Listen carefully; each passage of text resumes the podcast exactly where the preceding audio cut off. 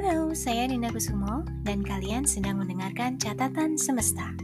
Terima kasih ya sudah mau bergabung dan mendengarkan podcast ini.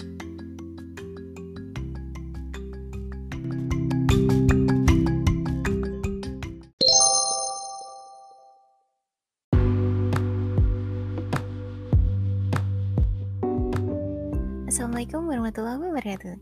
Hey guys, Anyong. Well, welcome back. Selamat bertemu kembali dengan saya Dinda di Catatan Semesta. Nah, ini adalah episode perdana di bulan Agustus ya.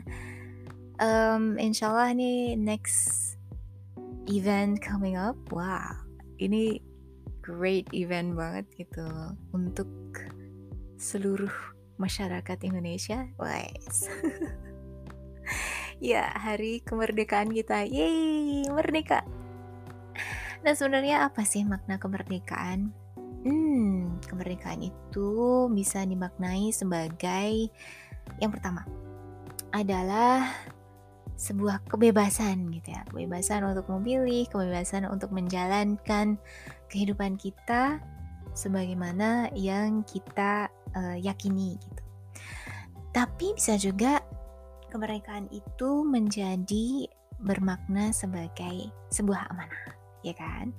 So, proklamasi itu sebenarnya bukan sebuah ending dari perjuangan, C. Tapi justru sebaliknya dia adalah sebagai mula atau sebagai awal dari sebuah pembangunan peradaban. Ya enggak sih? Ya atau ya? Maksa ya. nah, kalau misalnya kemerdekaan itu dimaknai sebagai sebuah amanah, berarti dia tuh sesuatu yang harus dijaga ya. Kita sebagai generasi penerusnya dari pejuang-pejuang kita yang kita hormati dahulu. Nah, harus mulai memikirkan gimana nih caranya mengisi kemerdekaan ini dengan sebaik-baiknya. Jangan sampai tanah Indonesia yang sudah di diberi kemerdekaan oleh diperjuangkan ya, diperjuangkan kemerdekaannya oleh para veteran kita itu jadi justru malah jadi jelek, justru malah jadi rusak karena kelalaian kita sebagai generasi penerus. Salah satu cara untuk menjaga kelestarian lingkungan kita sekarang ini adalah dengan merayakan hari kemerdekaan itu secara ramah lingkungan. Nah, untuk itu ada beberapa tips nih yang akan saya bagi ya, yang akan saya share. Nggak banyak kok, lima aja. yang pertama, untuk acara. Jadi, kita pilih atau adain acara yang uh, tujuannya juga untuk menjaga kelestarian lingkungan sekitar kita. Contohnya gotong royong ya membersihkan lingkungan sekitar selama satu minggu gitu atau satu bulan nih. Dan adain juga hari untuk menanam pohon gitu. Jadi untuk menghijaukan kembali lingkungan yang ada di sekitar kita. Kemudian dari konsumsi. Wah, ini pasti harus ada ya biasanya di setiap acara apa pun gitu.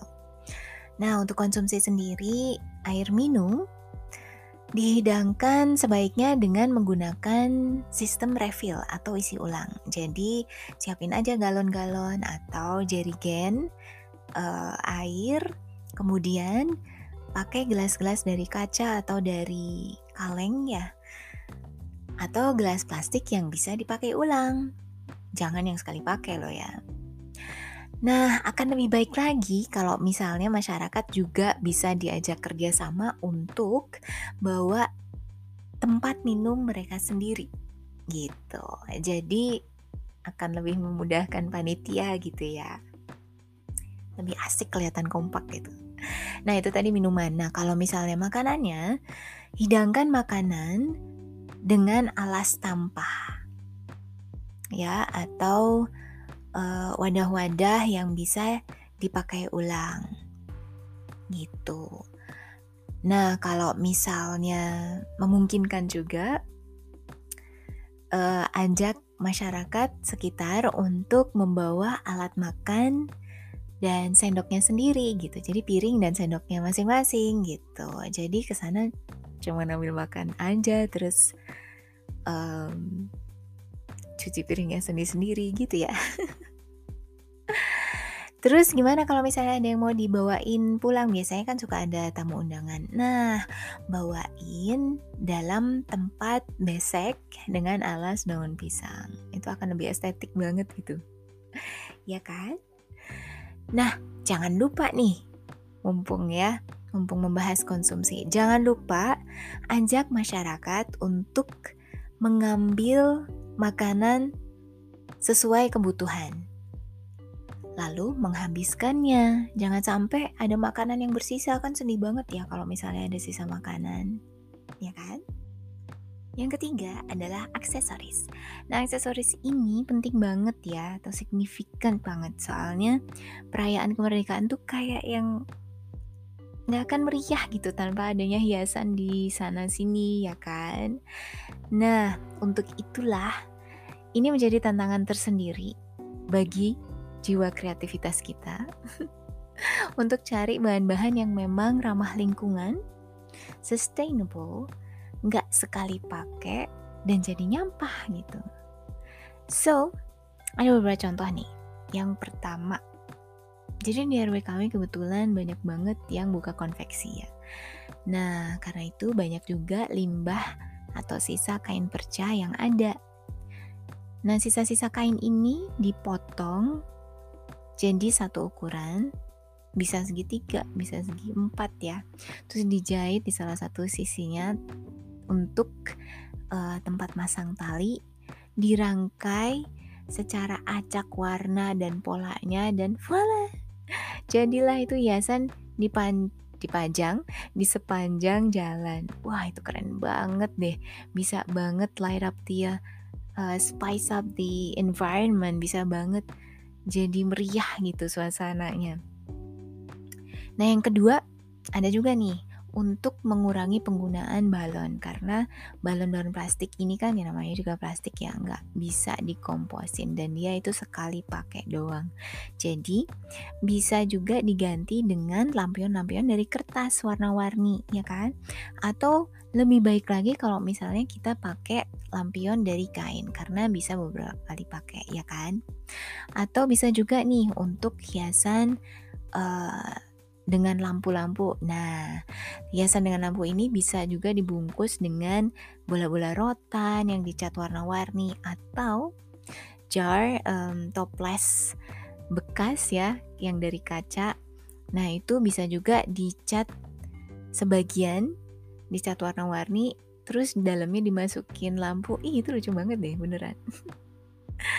nah, ada dua hal lagi nih ya yang kecil juga tapi um, bisa bikin perbedaan gede banget kalau misalnya kita lakukan. Yang pertama adalah tali rafia atau tali sekali pakai. Nah, semua tahu kan kalau tali sekali pakai itu atau tali rafia itu ya sekali pakai doang terus habis itu dibuang. Nah, untuk menghindari itu bisa diganti dengan tali-tali yang dibuat dari bahan-bahan yang alami. Banyak nih. Jadi salah satunya eh salah beberapanya adalah tali rami atau tali yang dibuat dari bahan uh, daun pandan gitu ya. Atau bisa juga pakai tali jemuran. Tali jemuran yang bisa dipakai di tahun depannya lagi sampai dia habis nanti. Satu lagi, dari tadi satu lagi satu lagi mulu. Ini satu lagi bener.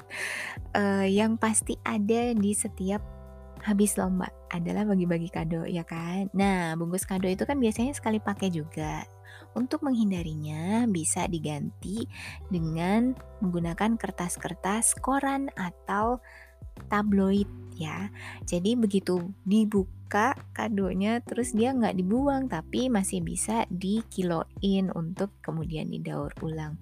Lagi pula estetik juga loh. Sekarang banyak juga loh yang uh, ngetren pakai seolah-olah dari kertas koran gitu. Iya kan? Ya kenapa enggak pakai kertas koran beneran gitu. Well, itu tadi beberapa contoh atau beberapa alternatif yang mudah-mudahan bisa menjadi inspirasi ya bagi sahabat semuanya atau mungkin bahkan udah ada yang menerapkan nih di lingkungannya masing-masing. Uh, keren banget nih. Sukseskan selalu. Istiqomah ya. Yang keempat adalah dekor. Dekor ini juga perlu ya karena setiap perayaan kemerdekaan itu kan selalu diakhiri dengan panggung gembira gitu. Seru banget kalau inget ya.